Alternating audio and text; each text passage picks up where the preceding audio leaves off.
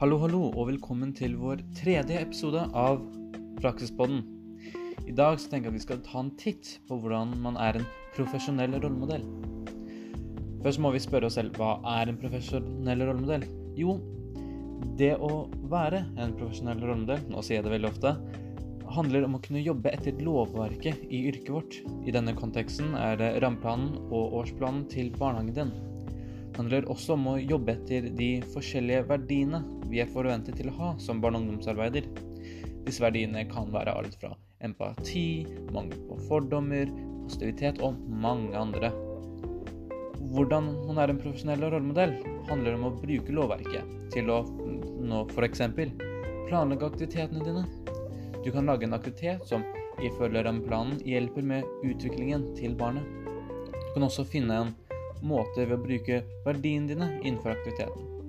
Et godt eksempel på det kan være ved å bruke forståelse.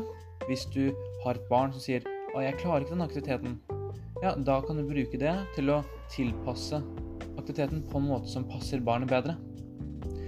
Du spør sikkert hvorfor er det viktig å være en profesjonell rollemodell? Jo, det er, en, det er en, en ekstremt viktig del av jobblivet og yrkesutøvingen din fordi den forsikrer at barna er i et miljø som er dedikert til deres utvikling og generell velvære.